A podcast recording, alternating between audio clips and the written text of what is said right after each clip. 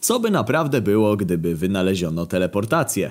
Jacyś szaleni naukowcy z dnia na dzień organizują konferencje, prezentują urządzenie w kształcie mikrofalówki do przesyłania przedmiotów na odległość. Każdy ma to w dupie. Parę dni potem powtarzają pokaz z udziałem znanych naukowców.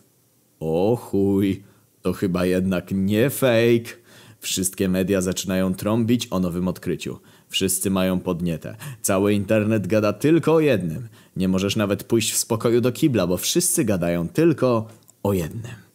Nagle zaczynają się pojawiać głosy krytyki, że teleportarki będą służyć do przesyłania zioła, broni i nielegalnych imigrantów. Rozpoczyna się gównoburza. Powstaje ruch antyteleportowy. Połowa krajów natychmiast zakazuje teleportacji, druga połowa toczy gigantyczne gównoburze. Politycy walą się na sali, na ulicach zamieszki. Unia Europejska zastanawia się, jaką maksymalną wielkość powinna mieć teleportarka, aby nie mógł się w niej zmieścić uchodźca.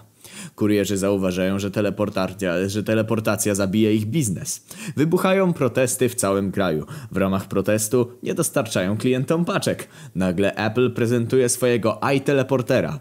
Po chwili robi to Google. Niebawem każda większa firma wypuszcza swój model teleportarki.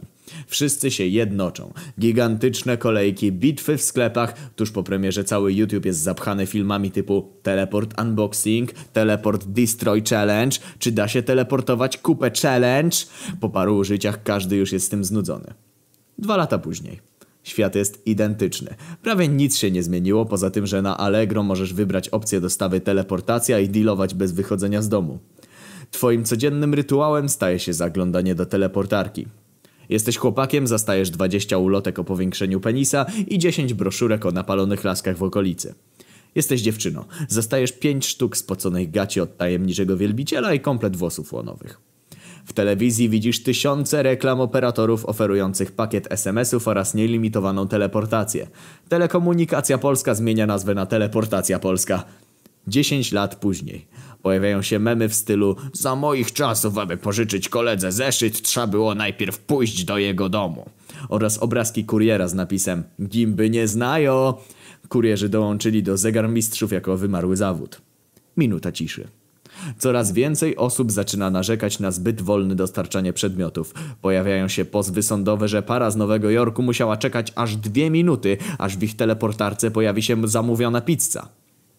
Sto lat później Polska postanowiła pójść śladem innych państw. Wyburzyła wszystkie dworce i lotniska i w zamian wybudowała budki teleportacyjne. W efekcie zamiast jechać pociągiem 5 godzin, wszyscy stoją 12 godzin w kolejce do budki.